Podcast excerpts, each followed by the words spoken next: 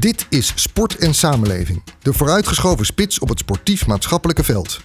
Deze maand met hoogleraar Sport en Recht aan de Vrije Universiteit Amsterdam, Marjan Olvers, Serge Westerkapel van het Centrum Veilige Sport Nederland NOC-NSF en John Nedersticht, voorzitter van turnvereniging SV Pax in de Haarlemmermeer uit Hoofddorp.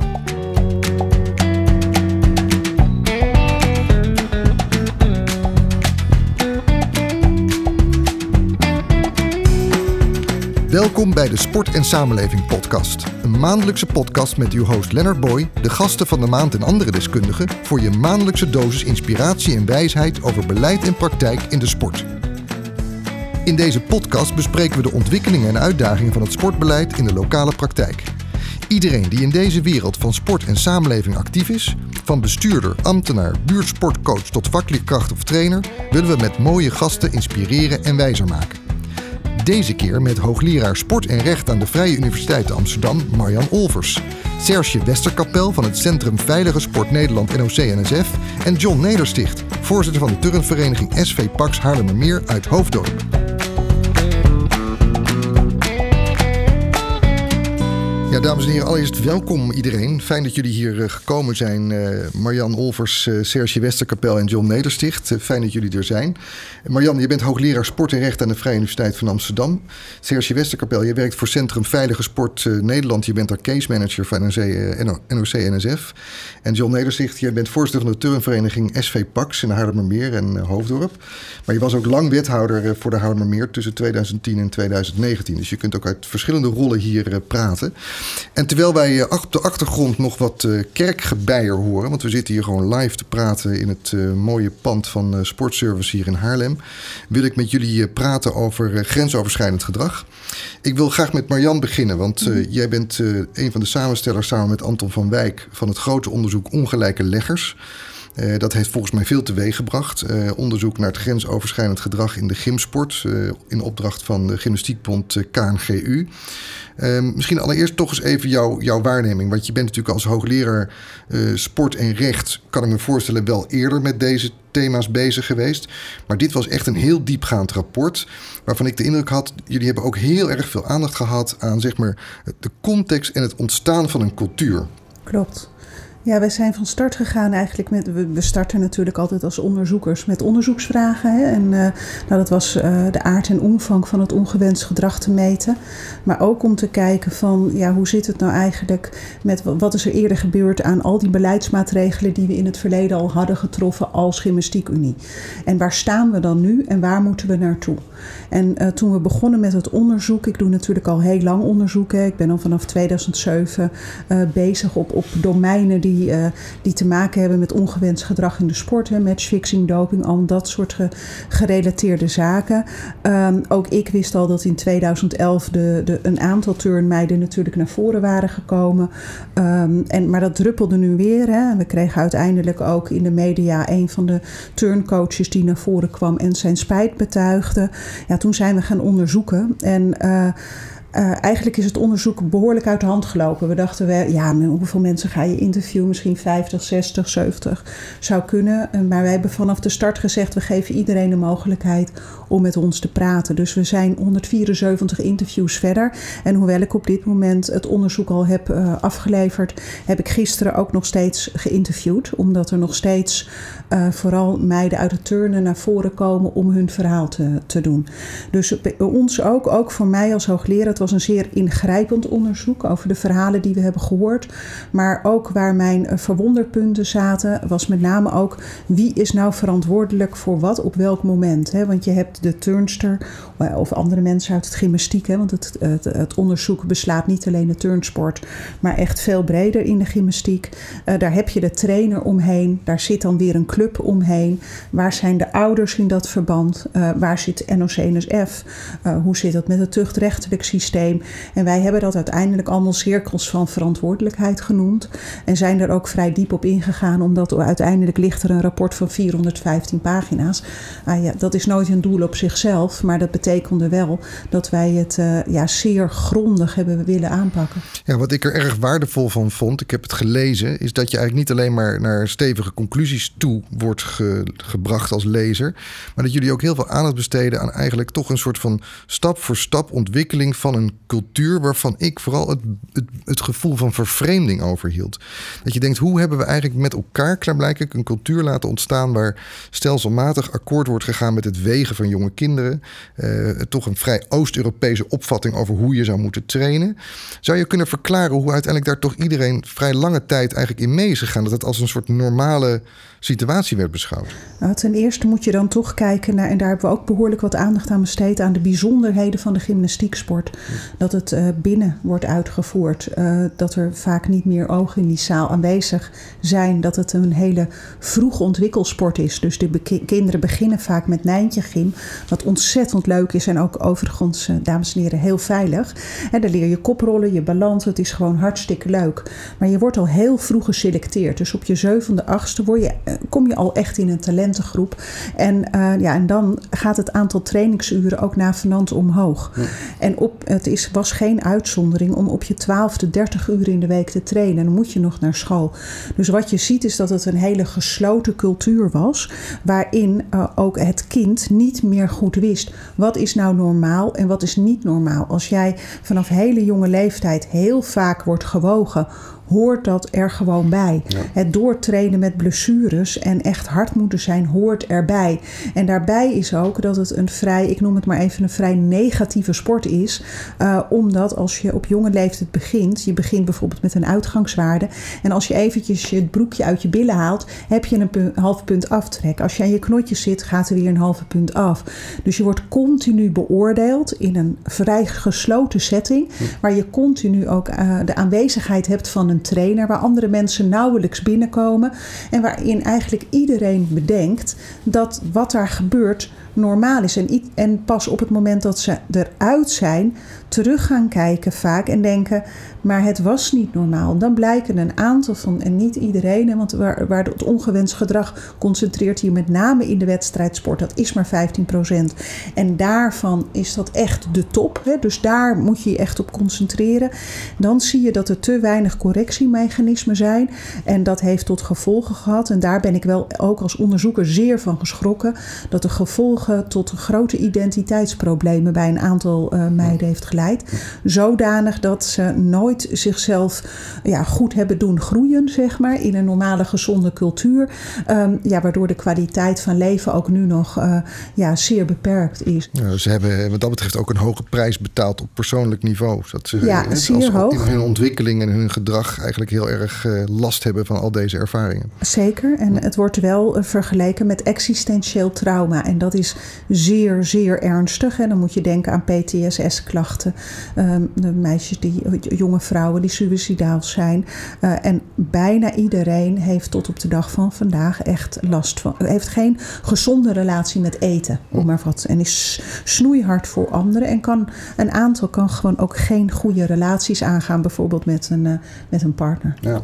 Nou, toch stevige eh, conclusies die je hier zo even voorbij uh, hoort komen, die je hier met ons deelt. Um, ik wil toch allereerst eens een reactie van John Nedersticht vragen. Want jij bent uh, nog niet zo lang aangetreden als voorzitter bij turnvereniging SV Pax in Haarlemmermeer.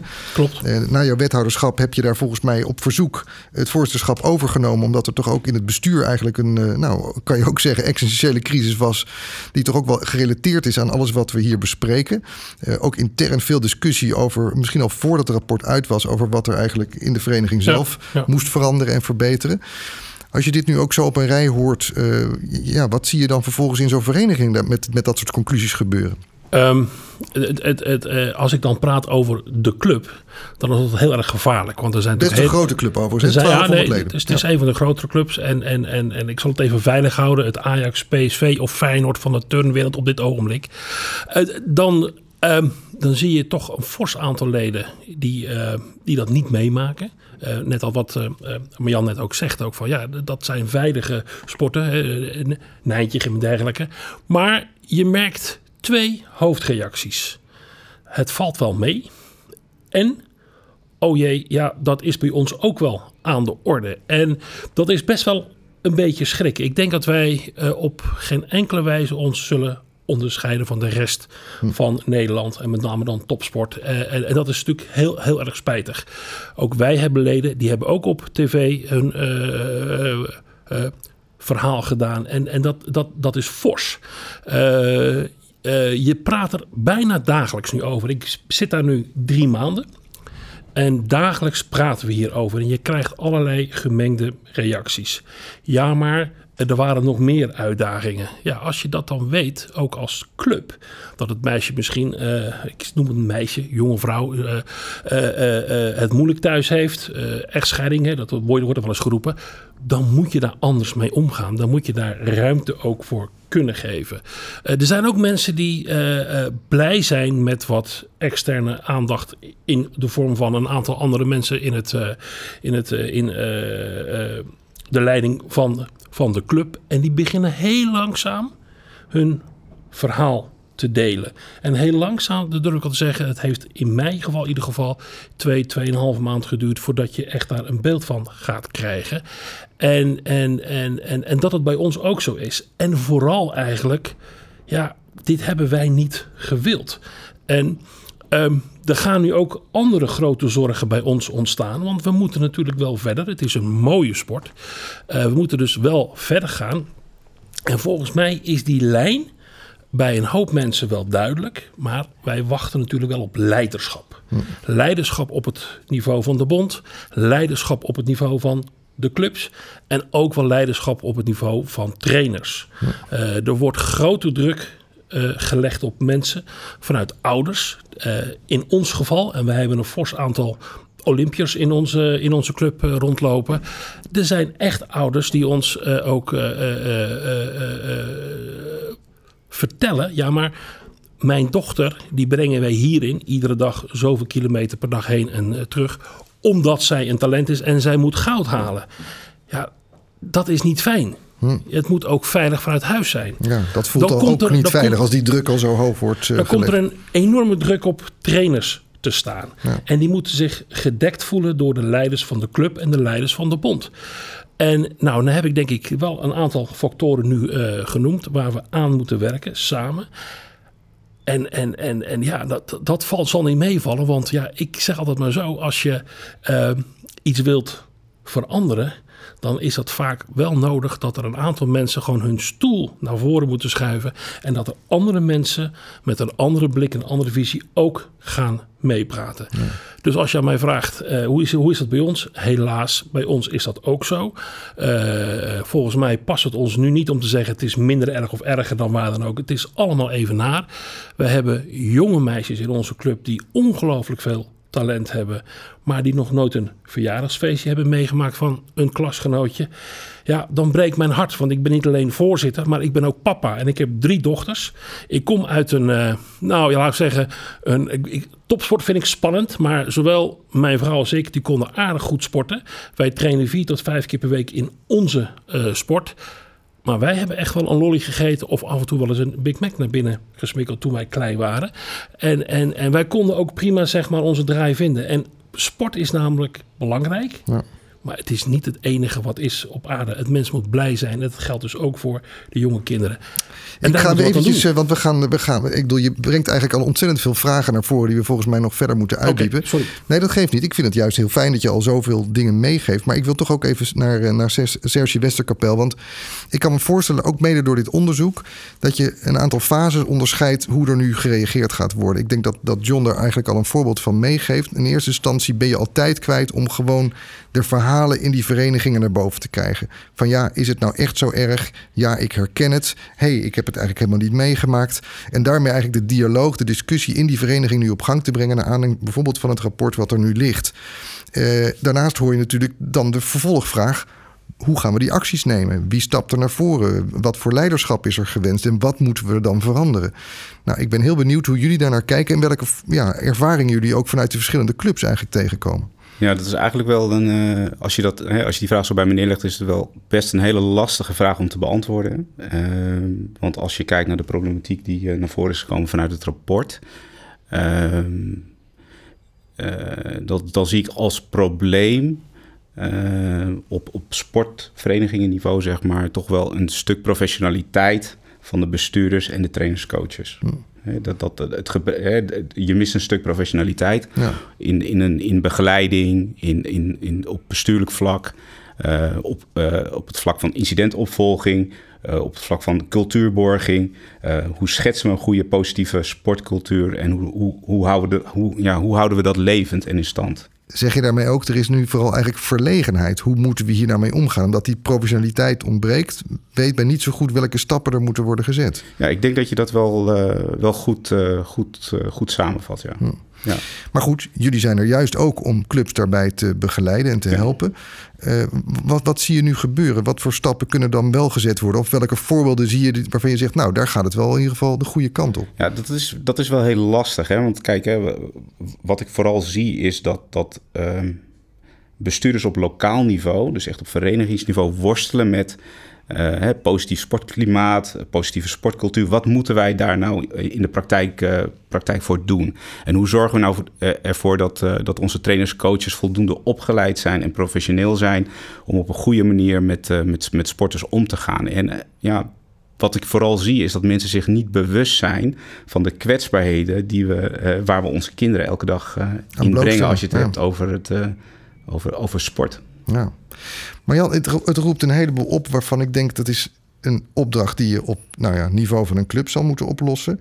Maar er komen toch ook wel vragen los over, eigenlijk voor ons allemaal denk ik, de vraag: wat accepteren we nou eigenlijk wel of niet als het gaat om het, het, het, halen van de top. Als ik nu de voorbeelden ook van, van John hoort, eh, dat, dat er kinderen zijn, jij gaf het zelf net ook al aan, die op een gegeven moment vanaf hun uh, achtste, negende jaar 30 uur per week aan het sporten slaan.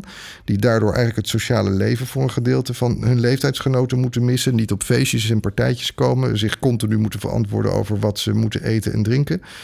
Ja, voor mij klinkt het dan eigenlijk opeens heel logisch. Dat moet je niet meer willen. Nou, ik denk ook wel dat uh, zeker ook met dit rapport deze discussie nu is gestart. Hè, van, uh, waar die meiden heel bang voor zijn geweest, is steeds van wat hoort bij topsport en wat hoort er niet bij. Nou, daar is heel helder een antwoord op. Dat hoorde er toen niet bij en nu niet bij.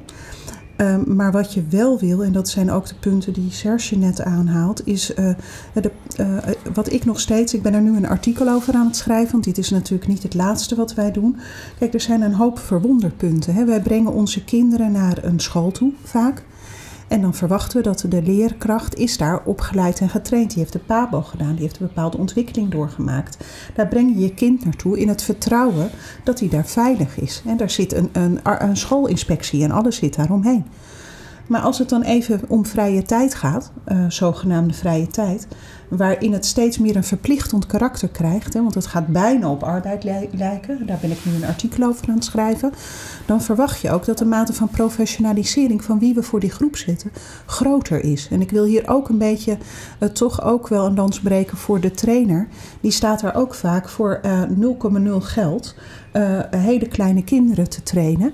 Um, uh, soms als je al wat verdient, verdient hij misschien 1200 euro in de maand. Nou, hè, daar moet je het mee, dan mee kunnen doen. Maar iedereen weet het is geen vetpot. Dus we vragen nogal wat van trainers. En tegelijkertijd doen we net alsof het een soort vrije tijdsbesteding is. Waar iedereen maar voor de groep kan staan. En als wij als samenleving zeggen dat spel en sport belangrijk zijn. Uh, vinden, dat we ook vinden dat het, de gezondheid van onze kinderen belangrijk is, dan houdt dat niet op bij school. En dan vind ik inmiddels wel dat we met elkaar ook een visie moeten ontwikkelen. Wat vinden we nu eigenlijk van het sportende kind? Want laten we wel zijn, voor, ik heb veel liever dat mijn kind aan het sporten is, dan dat hij uh, bijna 24 uur per dag achter, achter de games zit. Hè? Dus als we even bekijken, daar doen we ook geen controle over. Hè? Dan geven we het kind, het jonge kind, een iPad in de hoop dat, dat we dan in COVID-tijd gewoon lekker ons werk kunnen doen. Is ook volstrekt ongezond.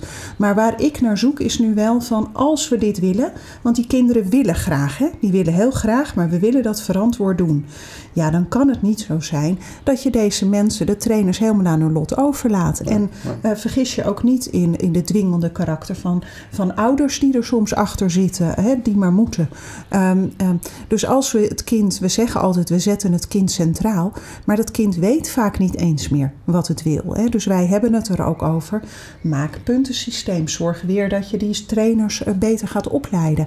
Daar hebben de kinderen, maar daar hebben ook die trainers recht op. Ja, laten we daar nou eens even wat, wat, wat meer induiken. Serge, jullie uh, zitten natuurlijk bij Centrum Veilige Sport Nederland, uh, denk ik ook over deze vragen na te denken. Wat zouden jullie op dat gebied kunnen betekenen? Hoe, hoe, hoe kijken jullie aan tegen het professionaliseren bijvoorbeeld van die rol van trainers? Wat Marianne ook aangeeft, moet je niet ook nog eens goed kijken naar de opleiding die die mensen hebben genoten, de betaling. Zou dat een antwoord kunnen zijn? Nou ja, ik, eh, over de betaling wil ik eigenlijk niet zoveel zeggen. Maar als je kijkt naar de opleiding, denk ik wel echt dat uh, naar de gemiddelde sportopleiding wordt vooral gekeken naar het technische gedeelte van het aanleren van sport. En als je kijkt naar de pedagogische kant van het aanleren van sport met kinderen, is daar op dit moment gewoon nog onvoldoende aandacht voor. Hm. En uh, de, de, pedagogische kant, maar ook de sociaal veilige kant. Daar, daar, ik, ik, heb toevallig voor, uh, voor een van de sportbonden uh, voor specifieke doelgroepen een, een seminar gegeven over ehm, sociale veiligheid. En dan merk je gewoon met, met, met relatief kleine dingen, probeer altijd vanuit een vier ogen principe te werken. zorg ervoor dat gedragsregels en gedragscodes, dat je dat op je, op je vereniging helder hebt. Dat, die er niet alleen zijn voor trainers, coaches, maar ook voor ouders en voor sporters onderling. Zorg ervoor dat je daar continu en door doorlopende aandacht voor hebt. Uh, ja, dat is er op dit moment gewoon nog te weinig. Ja, dus daar is echt nog een enorme stap te maken. Geeft eigenlijk goede voorbeelden. Dus het zou ook op die opleiding betekenen dat je veel meer aandacht hebt voor die hele sociale eh, kant. De manier waarop je bejegent, hoe je je organiseert of je reflectie toepast, nou al die dingen. Um, maar ik kan me ook wel voorstellen dat het te maken heeft met de organisatie die je in de uh, verenigingen zelf moet veranderen en verbeteren. Want ja, daar komen die trainers uiteindelijk terecht. Um, ja, John, jij gaf net aan, er is leiderschap nodig. Er moeten mensen naar voren stappen. Um, nou, dan kijk ik toch ook wel even naar mensen zoals jij. Want jij hebt tenslotte ook een, een bestuurlijke achtergrond. Jij weet hoe je dit soort dingen moet agenderen en veranderen. Hoe gaat het dan in zijn werk uh, bij jullie op de vereniging? Um, Ja, ik kan natuurlijk alleen maar praten over de periode dat ik er rondloop. Nou ja, maar dat is eh, interessant. want juist, juist als relatieve buitenstaander kom je natuurlijk nu op een heel cruciaal moment in zo'n vereniging binnen. Dus ik ben benieuwd wat jij dan kunt doen. Stel je bijvoorbeeld vanaf nu andere eisen aan jullie trainers. Hebben jullie seminars en discussies over de rol en de positie die ze innemen en hoe ze met een vier ogen principe moeten werken? Dat soort dingen. Ja, dat laatste overigens, dat gebeurt al bij de meeste clubs. Bij ons in, ieder geval wel ook. Uh, wij trekken wel hele duidelijke grenzen. Um, uh, als we kijken naar de signalen die we wel eens krijgen, dan durf ik in ieder geval te stellen dat dat te vaak, te lang niet serieus is genomen. Hm. Daar moet je gewoon als club heel serieus mee omgaan. Op ieder signaal gaan acteren. Hm. Zelfs als het blijkt dat het niet helemaal waar is geweest, dan nog is er iets wat er, aan, uh, wat er dus uh, gaande is. Ja. Kijk naar onze club. Onze club is bijna 24 uur per dag zijn er dus mensen aanwezig. En wij zijn allemaal met respect goedwillende amateurs. Wij moeten zeggen, en hier stellen wij een grens. Hm.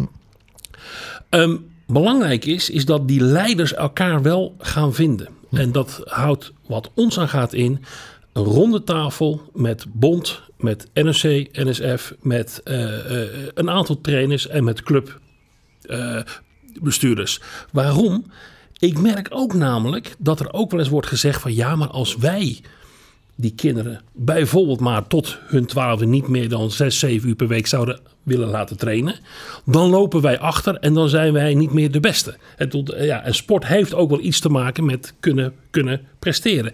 Dit zou je dus samen moeten afspreken. Ja, je zegt eigenlijk moet je dus het gesprek openen over een nieuwe nationale norm, over wat we met elkaar acceptabel vinden, om dan daar op basis daarvan weer met elkaar in competitie te kunnen trainen. Absoluut. Ja. Absoluut. Er zijn ook wel voorbeelden. Ik weet dat uh, Noorwegen daar drukdoende mee is, die gewoon tot een bepaalde leeftijd geen grote wedstrijden willen hebben. Wedstrijddruk is één van die dingen. Ja. Ik weet dat uh, er in, uh, het klinkt heel raar, maar ook zelfs in uh, voetbal, er tot een bepaalde leeftijd niet aan kinderen mag worden getrokken. Dat is natuurlijk heel erg belangrijk. Dus dat is leiderschap. Leiderschap overigens ook bij het onderwijs. Want het onderwijs, als we kijken naar topsport, en daar hebben we het uh, vooral over, daar zitten vaak uh, loodscholen achter. Hè. Dat is een school die dus speciaal rekening houdt met de topsportende leerling. Wij zouden heel intensief contact moeten hebben, want al die signalen moet je gewoon herkennen. Een kind moet primair ook kind kunnen zijn. En dat zie je dus op allerlei plekken. Dus we moeten opstaan en we moeten al onze zorgen op één tafel neerleggen en zeggen: en willen we dit? En dan komen automatisch de kritische vragen bij. En de eerste kritische vraag is: hebben wij nou echt die 30 uur voor een 6, 7, 8-jarig kind nodig om ons te kunnen meten op internationaal niveau? En ik weet dat er trainers zijn, dat hoeft niet per se. Dat kan ook op een later tijdstip. Ja, deze discussie wordt er nu uh, veel uh, gevoerd. Hè? Dus er moet ergens een visie komen op het topsportende kind. En we hebben weliswaar een visie, ook bij NOC-NSF. Maar dan kijken we met name naar de kinderen uh, van 15, 16 jaar oud. Ja, het is heel wat anders als je aan het roeien slaat in, je, in je studieperiode... en dan naar de Olympische Spelen gaat. Of dat je van Nijntje Gym aan het doorrollen bent... en nog nooit een andere sport hebt gezien. Ander punt wat gewoon ook wel de zorg heeft, is zijn de sportbesturen. Nou zegt John van nou, die heeft veel kennis en ervaring, maar vaak zijn ze al blij dat er überhaupt een ouder nog te vinden is die het doet. En ga er dan maar aan staan, want ja, je hebt en je competitie en de andere ouders allemaal. Uh, je krijgt er niet voor betaald, dus je, je hebt best wel een opgave. Die trainer neemt een dominante positie in. Dan ga jij als ouder daar maar, durf daar maar eens tegen in te gaan. En vergis je ook niet in de rol die de gemeente vaak spelen. Ook daar zou ik wel meer aandacht voor willen hebben. Want, ja, want die hebben zelfs vaak topsportbeleid in een, uh, in een uitgangspunt Klopt. staan. En, als, en wat er dan gebeurt, en wij hebben deze, wij hebben een volledig volstrekt geanonimiseerd uh, rapport opgeleverd, dus wij noemen ook geen namen van clubs. Maar dat een gemeente zegt, wij eisen wel topsport. Ja, als je topsport eist, dan betekent het dat je ook schaarsheid, uh, dat er schaarste is in het aantal trainers. En dat er dus soms de neiging bestaat om een trainer van besproken gedrag, waarover veel signalen bekend zijn, toch maar gaat aanstellen. Omdat je die topsportprestatie moet gaan halen. Uh, omdat je bang bent dat je anders niet meer bestaat. En dus er zitten ook heel veel perverse structuren in die die cultuur op een negatieve manier hebben gevoed. En dat moeten we doorbreken. Met z'n allen, daar hebben we met z'n allen een taak. Hè? Ja, dat is het, niet... het, het, is wel mooi om te, te beluisteren wat het eigenlijk allemaal lostrekt. Hè? Dus de vraag van wat je zelfs tot aan internationale afspraken opnieuw ter discussie zou moeten stellen. Want daar werkt iedereen in zijn competitie natuurlijk toch naartoe. Want straks ga je naar de Olympische Spelen en hebben we dus die hoge norm te halen. Tot en met de vraag wat je op nationaal niveau, op competitieniveau met elkaar afspreekt. En dan ook nog weer inzoomend op al die clubs waar de rollen van het bestuur eigenlijk geprofessionaliseerder moet zijn. Om tegenkracht en tegenwicht te kunnen bieden aan die op zichzelf ook goed bedoelende trainers. Waar wel verschillen in bestaan. Of mensen wel of niet van onbesproken of besproken gedrag zijn. En dat je daarop moet kunnen acteren eigenlijk komen er dus ook heel veel vragen bij NRC en NSF terecht over, de, over de, de, de vraag hoe dit in het stelsel om te keren is. Dat, dat lijkt me nog niet zo makkelijk. Nee, dat, uh, dat is het denk ik ook niet. Hè. Ook als je kijkt naar de structuur van de Nederlandse sport. Uh, die is opgebouwd vanuit verenigingen, vanuit vrijwilligheid. Uh, om de kosten ook wel laag te houden. Het lidmaatschap aan een gemiddelde sportvereniging is, is niet zo heel hoog. Lidmaatschapsgeld. Dus ja, ik denk dat er, als je kijkt naar de structuur van de Nederlandse sport, dat daar echt wel iets zou moeten veranderen. voordat je daar echt wel uh, goede invloed op zou kunnen uitoefenen. Ja. want dan opnieuw toch de interessante vraag wat er dan allemaal moet veranderen. Want we hebben het gehad over het bestuur, wat misschien geprofessionaliseerder moet, omdat die tegenkrachten kunnen zijn. Je hebt het over misschien een betere betaling van trainers die ook een betere opleiding moeten krijgen, maar waar je op, ook op mensen elkaar op moet kunnen aanspreken hoor ik jou dan indirect toch zeggen, nou, dat betekent misschien ook dat clubs een hogere bijdrage moeten vragen om dat niveau ook te kunnen leveren. Ja, dat zou bijvoorbeeld wel een, een, een oplossing kunnen zijn. Maar daarnaast denk ik ook, hè, de focus wordt op dit moment heel erg gelegd in het gesprek op topsport. Maar vergeet vooral de breedte sportverenigingen niet. Hè. Dus, hè, dus, de, dus de sportverenigingen die geen topsport uh, in, hun, uh, in hun portefeuille hebben. Juist daar is het denk ik ook van essentieel belang dat uh, het bestuur, een, een, een sportverenigingsbestuurder gewoon snapt en weet wat hij moet doen en wat hij kan doen en wat hij absoluut niet moet doen. En dat hij ook een, een sportvereniging op een goede en gezonde manier kan leiden en ook daar een cultuur kan neerzetten waar jonge kinderen zich op een, op een positieve en fijne manier kunnen ontwikkelen. Ja. Eventueel kunnen ontwikkelen tot een, tot een topsporter. Ja, want dan toch ook nog even vanuit jullie perspectief. Hoe groot tussen haakjes het probleem is. Marjan heeft net aangegeven, het is toch wel een verbijzondering als je kijkt naar die gymsport en vooral dat turnen. Omdat kinderen al op relatief jonge leeftijd eigenlijk echt op, op, op een stevige norm gezet worden. Aan de andere kant, ja, je gaf het volgens mij ook al aan, als je kijkt naar jonge voetbaltalenten, gebeurt daar natuurlijk feitelijk hetzelfde. Hoe, hoe, hoe, hoe breed zien jullie het als probleem? Ja, ik denk dat het een probleem is van de complete Nederlandse sport.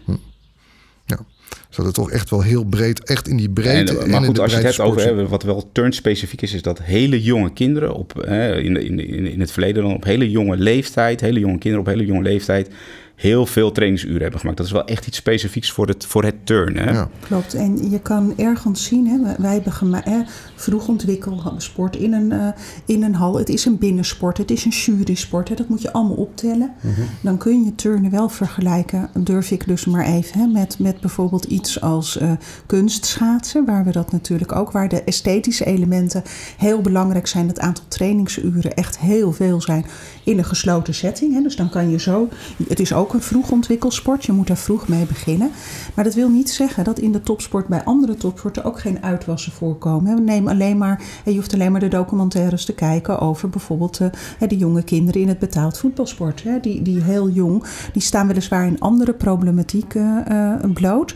Maar daar, dat is breed. Maar wat Serge ook zegt, kijk, wij hebben ergens als sport zeer gefragmenteerd elke keer gekeken. We deden seksuele intimidatie. Nou, dan gingen we onderzoek doen. Hè, racisme, heel belangrijk thema. We hebben nu ongewenst gedrag en intimidatie, met name in de topsport. Maar elke keer komt er een thema bij. En het mooiste is als je veel meer naar een integrale benadering krijgt. En dan heb je die top. Hè. De breedte komt altijd een topsport tevoorschijn. Uh, maar het is ook het versterken van, het begint al heel vroeg, ook in die recreatiesport, dat je kinderen mondig maakt. He, dat ze met elkaar, dat je uh, een, ze, ze, een stem geeft. Ze kunnen al vrij jong vertellen wat ze wel en niet willen. He, en breek dat een beetje open. En dat begint echt al aan de basis, waardoor ze ook makkelijker herkennen wat seksuele intimidatie is, wat negeren is. Uh, ja, dat ze een stem mogen uh, hebben, dat het uh, gewoon besproken wordt met elkaar. En dat moet breed in de sport eigenlijk ontstaan. Ja, en niet alleen bij de kinderen, maar ook bij de ouders. Hè? Want de ja, ouders hebben echt een cruciale rol in het, uh, in het ja. ja faciliteren soms wel van grensoverschrijdend gedrag. Ja, omdat er ook die druk toch ook naar voren komt ja. om mee te doen met die prestatie. Ja. Uh, dan, dan, is het misschien toch gewoon goed om jou te vragen wat het Centrum Veilige Sport op dit gebied nog meer kan doen. Ja.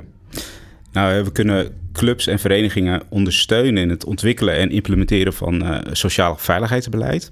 En dat uh, gaat zelfs zover dat we eventueel experts ook naar clubs toe kunnen sturen, die ook bestuurders kunnen helpen. Van, wat moet ik nou opschrijven? Wat, wat, wat moet ik nou doen om ervoor te zorgen dat mijn, uh, mijn club een sociaal veilige club wordt? En daarnaast, als er incidenten zijn met betrekking tot grensoverschrijdend gedrag, dat kan zijn seksuele intimidatie, agressie, geweld, discriminatie, pesten, uitsluiting. Al dat soort vormen kunnen clubs altijd bellen voor advies. Hè. Wat, wat moet ik nou in deze casus? Hè? Wat moet ik hier nou mee? Er zijn een aantal moetjes als je het hebt over matchfixing, doping en seksuele intimidatie. En dan, dan, moet een verenigingsbestuurder een aantal dingen doen.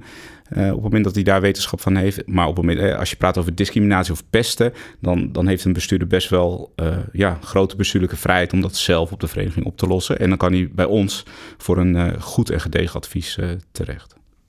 Nou, laten we John eens vragen. Want ik kan me voorstellen dat jij nu na twee, drie maanden daar rondgelopen hebt. Natuurlijk ook denkt: oké, hoe ga ik hier nu het gesprek over organiseren? Niet alleen maar met mijn trainer die ik moet betalen. Of niet alleen maar met die rest van de bestuursleden. Maar vooral ook met die hele achterban. Met de mensen die het betreft, met die ouders. Wat voor vormen kiezen jullie daarvoor? Nou, nou het is niet zo heel erg moeilijk om daar met elkaar over te praten. Want je hoeft maar ergens eventjes op. Uh, uh, op uh, te drukken en dan loopt men vanzelf leeg. In allerlei vormen. Uh, ik zou eigenlijk graag een stapje terug willen gaan. Ik denk dat wij met elkaar gewoon een grens moeten stellen. Het mooie van sport is namelijk het opzoeken van grenzen. En daar ligt onmiddellijk het gevaar. En, en, en ik denk dat wij gewoon een grens moeten stellen. Of het nou met leeftijd of wat dan ook te maken heeft. Gewoon zeggen, en dit willen we dus niet. Gewoon niet doen. Geef eens wat voorbeelden dan, waarvan jij zegt, nou, dat zou dan eigenlijk helpen.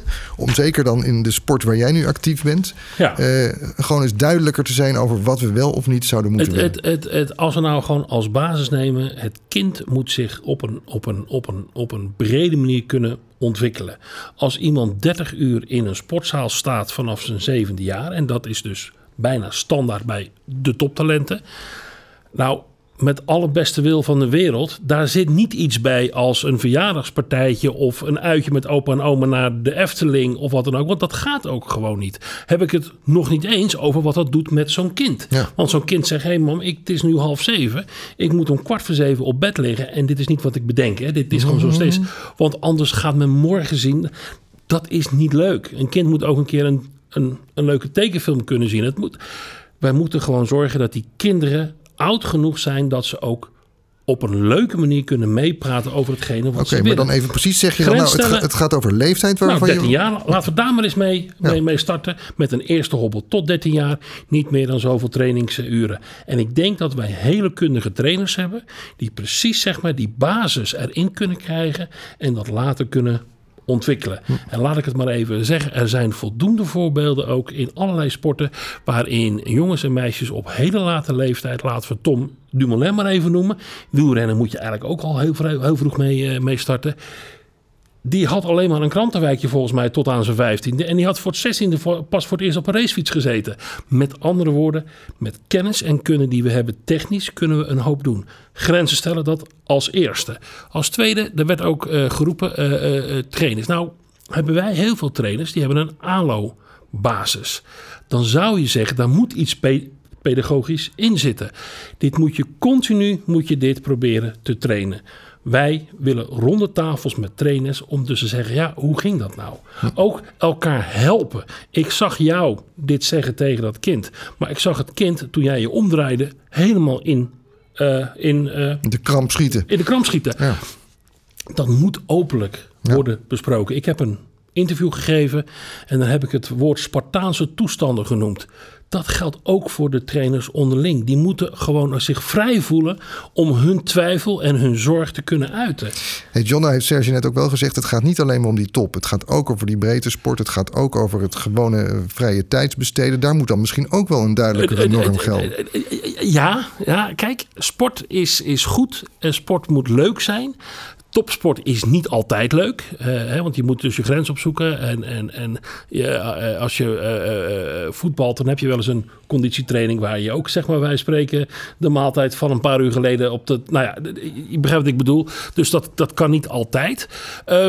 Het, het, enige wat ik wel zie, is dat de cultuur die in clubs heerst, voor wie die een, die een topsportafdeling hebben, dat dat op een bepaalde mate kopieergedrag in de handwerk op het wat, Ja, ja. eh, het, op het wat andere niveau.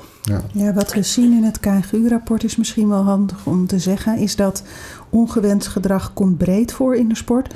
Daarin is de gymnastiekunie in de recreatiesport niet een onveiligere sport dan andere sporten. Hè. Dus Nijntje Gym is relatief veilig. Ja, dus pedoseksueel, die komt overal voor. Hè. Dus eh, laten we wel zijn. Waar we zien, waar het anders wordt, is met name dus de topsport. En daarmee zien, gaat de gymnastieksport zich onderscheiden van andere En wat sporten. vind je dan van de suggestie van... dan moeten we veel duidelijker gewoon die normen in gaan hanteren. Dus een bepaalde leeftijd waarop je uiteindelijk meer uren kunt maken. Misschien nog op een gegeven moment ook wel het aantal uren ter discussie stellen... of de manier waarop je met elkaar die, die trainers opleidt. Zijn dat de juiste oplossingen? Ja, onder andere, want het is dus niet, het moeilijke altijd is, er is niet één oplossing. Maar wij zeggen ook, hè, ga in contact met die sporters en laat die stem van die sporter ook horen. Hè. Stel met elkaar een persoonlijk ontwikkelingsplan op. En eh, zij horen, kijk, hoe doorbreek je het normale karakter, dat ze zien dat er een wereld eromheen is. Ja, je, moet ze, je hoeft ze heus niet meteen 100% weer op een andere sport te zien. Maar wij zien wel dat een aantal bijvoorbeeld turnsters die daarnaast ook nog andere activiteiten ondernemen, buiten de gymsport, op een andere manier kunnen reflecteren dan dat ze altijd maar in die sport binnen, zitten. ja, ja. ja, ze zijn heel erg naar binnen gericht. Heel even nog, want ik wilde toch ook vragen... Kijk, Serge zei net ook... we hebben natuurlijk ook wel een cultuur in Nederland van heel erg uh, gebaseerd, dat is ook een mooie traditie, op vrijwilligheid. Dus daardoor is soms ook de kwaliteit van het bestuur beperkt. Daarom is het soms ook uh, een grote druk die op ouders ligt om bijdrages te leveren. het, het is daardoor ook laagdrempelig en betaalbaar. Maar wat zou het wat je, voor wat jou betreft betekenen voor de professionalisering van verenigingen? Zou, hoe, hoe, kijk je nou daarnaar? Ja, kijk, ik, ik doe ook onderzoeken bijvoorbeeld op dit moment naar ondermijning. Hè, dus het speelt breder dan dat. Ik zit ook in de commissie Mijnals. Ik uh, kijk ook veel naar diversiteit en, en de bestrijding racisme. Het is aan de ene kant hebben wij een prachtig mooie infrastructuur. Hè. Als je in de Verenigde Staten zou willen gaan uh, trainen ergens, ja, dan moet je redelijk vermogend zijn om maandelijks op te kunnen hoesten wat ze daar vragen voor gewoon lidmaatschap van een sportvereniging. Dus het mooie en zeker de gymnastieksport is een enorm laagdrempelige sport, waardoor je je kind, terwijl je een kleine beurs hebt, toch aan het sporten kan krijgen. Hoe mooi is dat? Maar waar ik gewoon ook mee uh, worstel is, als we het zo belangrijk vinden en als we onze kinderen zo belangrijk vinden, dan zou je ook naar de overheid toch een keer moeten kunnen kijken en zeggen: um, als we deze infrastructuur zo willen, um, probeer bijvoorbeeld jullie verenigingsondersteuners binnen gemeenten um, toch wat meer op te leiden en te trainen. Wij hebben de kennis en ervaring hier. Als je daar naartoe gaat, en toevallig, ik kom net uit een, uit een overleg over ondermijning. Als die verenigingsondersteuner daar toch even langs gaat, neem dan even mee. He, uh, zoek dan even wat feedback van bijvoorbeeld het Centrum Veilige Sport op die thema's. Benader het ook integraal, waardoor dit onderwerp, naast bijvoorbeeld dat je heel graag een nieuw hockeyveld wil, naast dat je van alles en nog wat nog wil, neem dat gewoon even mee. En dan kun je best zeggen: heb je het op de agenda gezet? Hebben al je bestuurders een VOG? He, vraag het gewoon even. Het zit heel laagdrempelig. Is er al winst te bereiken? Het zit hem dus eigenlijk ook, Serge, in het stellen van de goede vragen. En daar eigenlijk ook die besturen op uitdagen. Ja, dat, dat denk ik wel, ja. En is dat iets wat jullie ook als rol meer zouden kunnen doen? Of, of wie zou dat meer op zich kunnen nemen? Is dat inderdaad ook iets wat gemeentes als voorwaarde mee moeten opnemen? Ja, het, het zou wel helpen als gemeentes daar eh, een actievere rol in zouden spelen. En er zijn een aantal gemeentes die doen dat al, eh, al- echt op een hele positieve manier ook. Hè. Die stellen VOG's bijvoorbeeld eh, ook verplicht voor bestuurders en voor trainersstaf. Andere gemeentes die, die, hebben, die, die hebben pedagogen in dienst die actief allerlei sportclubs en verenigingen bezoeken. En op het moment dat zij signalen hebben van bijvoorbeeld ondermijning of grensoverschrijdend gedrag, dat ze daar advies over inwinnen en bestuurders en verenigingen doorverwijzen naar, eh, naar, de, naar, naar het juiste loket. Eh, dus ja, er gebeurt best wel veel al. Hè. Moet er meer gebeuren? Ja, absoluut. En eh, wat, ik, wat ik zojuist nog wilde zeggen, we hebben het over de, de, de visie van trainers ook, hè, met betrekking tot het trainen van topsporters. Toevallig heb ik in een andere, in een, eh, bij, bij een andere selectie topsporters eh, soortgelijke ervaringen als, als die binnen, de, binnen het turnen. En dan denk ik van ja, de visie van trainers over hoe je topsport bedrijft, die zou ook beïnvloed moeten worden. En hoe zou je dat kunnen doen? Ja, dat, dat, dat is een goede vraag. Ik denk ook met die trainers in gesprek gaan oh, hè, en kijken wat, hebben- hè, wat hebben we in de afgelopen jaren geleerd met betrekking tot topsport. En hoe zien we dat mensen zich, hè, topsporters zich op een positieve en goede manier ontwikkelen. Ja. En is dat inderdaad alleen maar eh, eh, eh, jezelf helemaal kapot maken op een eh, atletiekbaan of in, in een zwembad of kapot fietsen op een fiets? Of is het ook belangrijk dat een topsporter zich op een ander veld ook ontwikkelt in, in, in de carrière na de sport? Ja, goede vragen allemaal. Ja, we hebben volgens mij aardig eh, verkend wat er nu eigenlijk allemaal eh, ja, losgekomen is. Ook naar aanleiding van jouw eh, baanbrekende rapport. Over welke domeinen je eigenlijk zou moeten veranderen. We hebben het gehad over de attitude van ouders. Die soms de druk heel erg op die kinderen kunnen opvoeren. We hebben het over de weerbaarheid van kinderen gehad. Die misschien zelf ook moeten worden geholpen om bepaald gedrag te herkennen. En daarmee ook iets terug te kunnen zeggen. Het over de opleiding en de kwaliteit van trainers gehad. En ook daarmee ook de ruimere vraag van... Goh, wat, waar train je nou eigenlijk voor? En wie ben je op weg aan het helpen? Het over de professionalisering van bestuur gehad... die daarmee misschien ook de betere tegenvraag kan stellen... en ook het vier-ogen-principe bij trainers sterker centraal kan stellen. Jullie hebben genoemd de gemeentes die betere en steviger voorwaarden kunnen stellen aan verenigingen rondom een verklaring omtrent gedrag, rondom de vragen rondom ondermijning tot en met eh, on- ongewenst gedrag. Dus in dat opzicht hebben we denk ik al best veel elementen goed in kaart. Maar wat ik jullie toch ook allemaal hoor zeggen is de zoektocht naar wie daarin nou de leiding neemt. Wie eigenlijk de, de, de leiding neemt in het neerzetten van de nieuwe norm. Eh, en daar ben ik nog niet helemaal achter waar dat nou zou moeten beginnen. Is dat dan toch eh, misschien die, die voorzitter die net drie maanden is aangetreden, maar met die bestuurlijke achtergrond en dan toch de steen in de vijver moet gooien. Eh, ja, zou ik bijna zeggen, want het is voor mij makkelijk. Ik ben niet belast met datgene wat er vorig jaar is gebeurd. En vorig jaar waren er niet zulke goede dingen, in de jaren daarvoor ook, dus dat helpt. Ehm, dus ja, eigenlijk wel. Maar je zou je dus wensen, en ik gaf het ook al in het, uh, in het, uh, in het, uh, in het begin al aan. Je zou iedere club gewoon nieuwe mensen wensen. Ja. En dan ga ik nog een beetje steviger erin. Je zou ook wensen dat de bond zelf ook daar eens even flink de kussens opschudt. Want dat is namelijk het orgaan wat een, een, een soort van visie hebt. Um, wat je nu ziet, is er heel veel gewicht op trainers. Daar is nu de focus op. Wij praten gelukkig over een integrale benadering. Maar de bond en de mensen die bij de bond actief zijn, hebben dit ook heel lang geweten. Ja, ze zijn degene geweest die Marjan uh, opdracht hebben gegeven om dat onderzoek te doen. En ik geef meteen even de gelegenheid. Ik heb er heel veel gelezen. Uh, zelden heb ik een rapport gelezen van de kwaliteit als, als dit rapport. Omdat je er iets mee kunt. Ja. En, en, en, en, uh, uh, maar we zullen wel ook, uh, ook gewoon moeten durven zeggen: oké, ik was erbij al die jaren. Misschien moet ik even een stapje opzij doen. Dat doet ook heel wat bij de beeldvorming van al die mensen. De papa's, de mama's, de clubs, de trainers. Van ja. Er wordt lering getrokken. Er, er is een nieuwe, een, een nieuwe, start. En, en, ja. en dan hoef je niet eens de vinger te wijzen. Maar gewoon ook een frisse wind. En ik denk dat wij gelukkig op het nationale niveau voldoende goede mensen hebben rondlopen. die daar gewoon met hun kennis en kunde ook wat zouden kunnen doen. Ja. Dit moeten we wel samen doen. Waar ik op zit te wachten is het eerste belletje uit Beekbergen. Dat is dus waar de bond zit, zeg maar.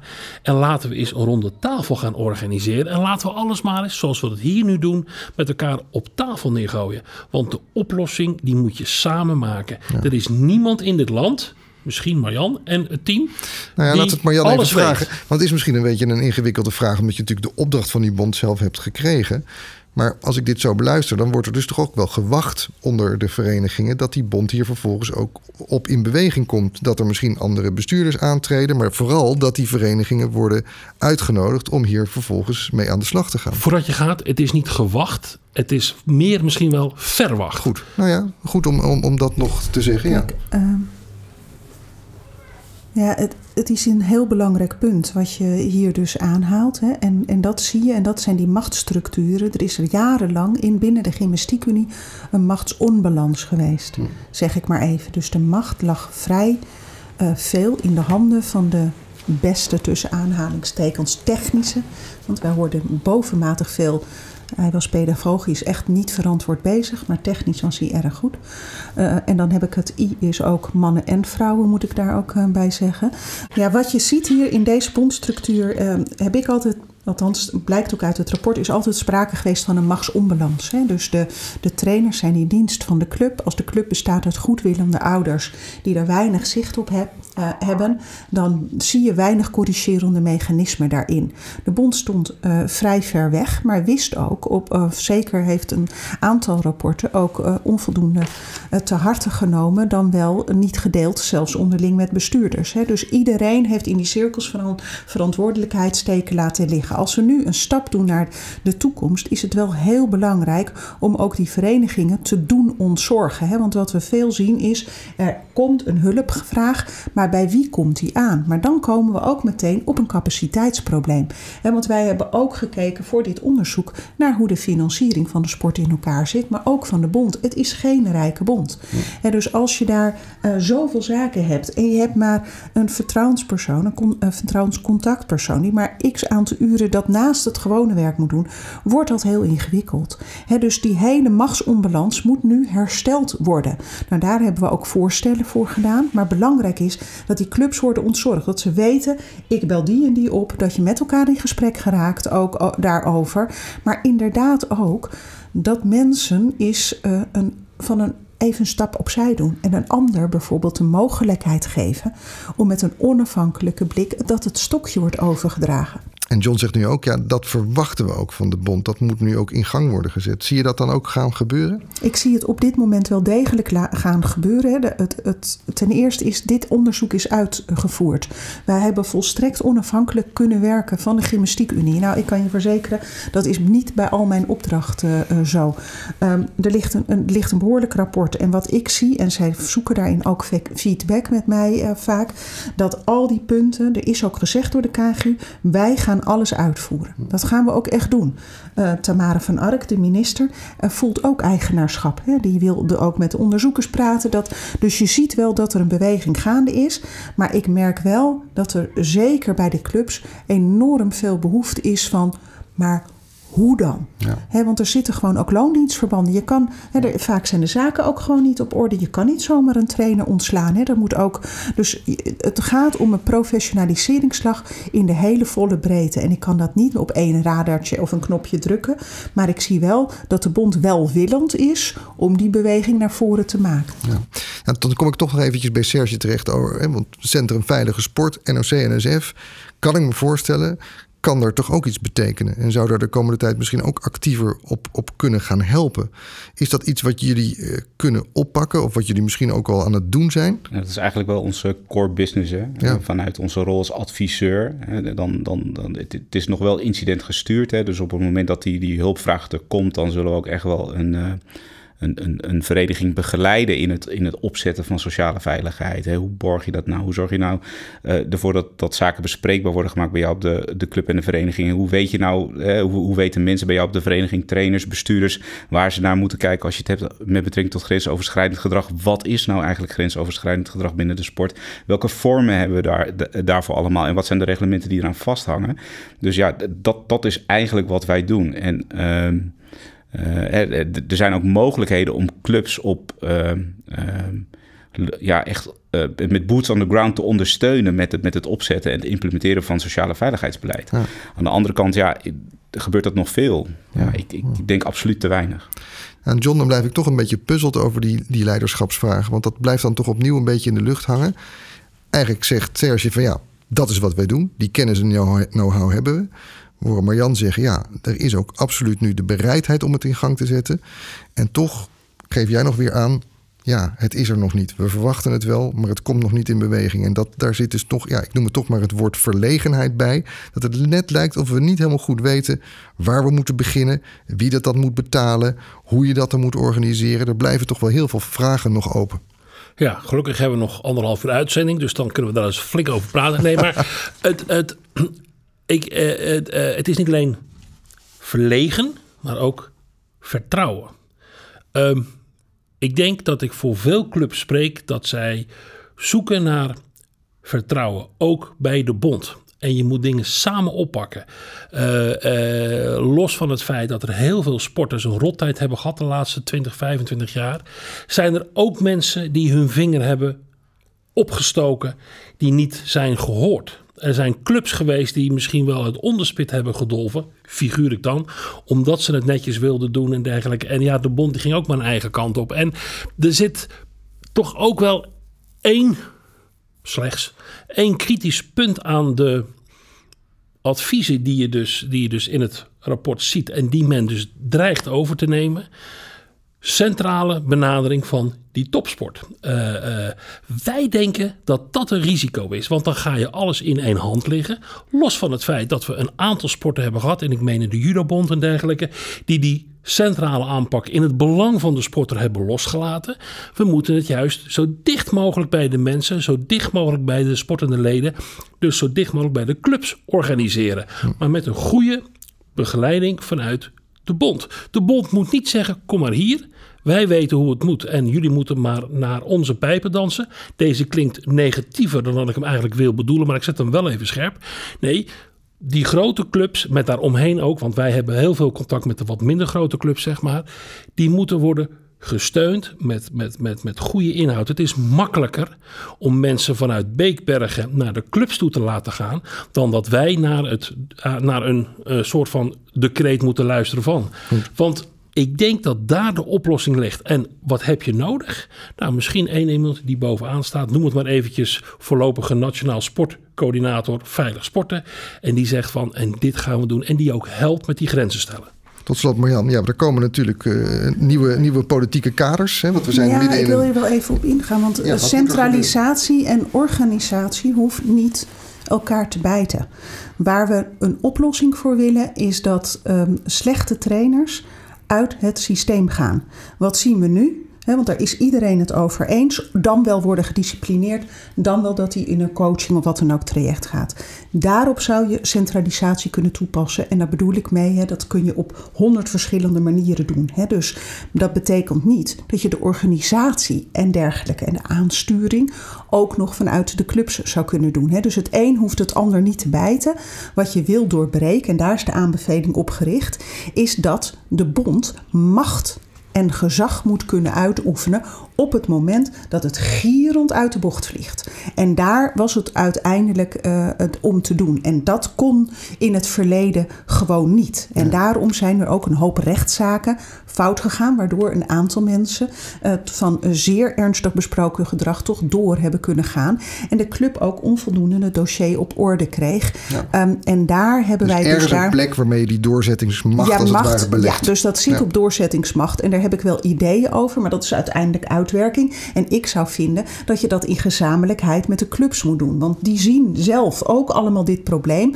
Maar het is niet een aanbeveling bedoeld als leg alle macht bij de bond. Nee, het is de bedoeling om ervoor te zorgen dat je de rotte appels op een goede manier zou kunnen verwijderen. Doch ook tegelijkertijd die clubs kan versterken en ondersteunen. Oké. Ik wil jullie allemaal ongelooflijk bedanken. Volgens mij is het laatste woord bepaald niet gezegd over deze hele brede en ingewikkelde eh, problematiek. Waarvan we volgens mij allemaal overtuigd zijn dat het moet gaan veranderen. En dat het hopelijk al in verandering is gezet. Alleen al door het feit dat dit soort baanbrekende rapporten er zijn. Dat dit soort gesprekken mogelijk zijn. Dat jullie volop in beweging zijn gekomen vanuit het verenigingsleven zelf.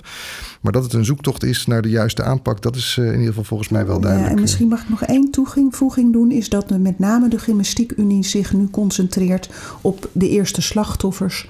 eh, om daar eh, zeg maar die aanbeveling als eerst door te zetten. Omdat daar de nood het hoogst is. Ja. Want vergeten we inderdaad ook niet wat het eh, op individueel niveau heeft betekend. Daar had je het aan het begin van ons gesprek ook over. Ik wil jullie alle drie ongelooflijk bedanken voor dit gesprek. Eh Marjan Olvers, Serge Westerkapel en John Nedersticht, dank jullie wel. Graag gedaan. Graag gedaan. Onze podcast zit erop. We hopen dat je bent bijgepraat. Voor meer informatie, tips en vragen verwijs ik je graag naar het e-mailadres podcast.teamsportservice.nl. Coline Elbertsen, onze eindredacteur, staat altijd open voor goede adviezen en ideeën. Deze podcast is een initiatief van Team Sportservice. Uitvoerder en adviseur van sportbeleid in de lokale praktijk en de provinciale sportorganisatie van Noord-Holland, Zuid-Holland en Utrecht. Ik wens je voor nu een bewegelijke dag.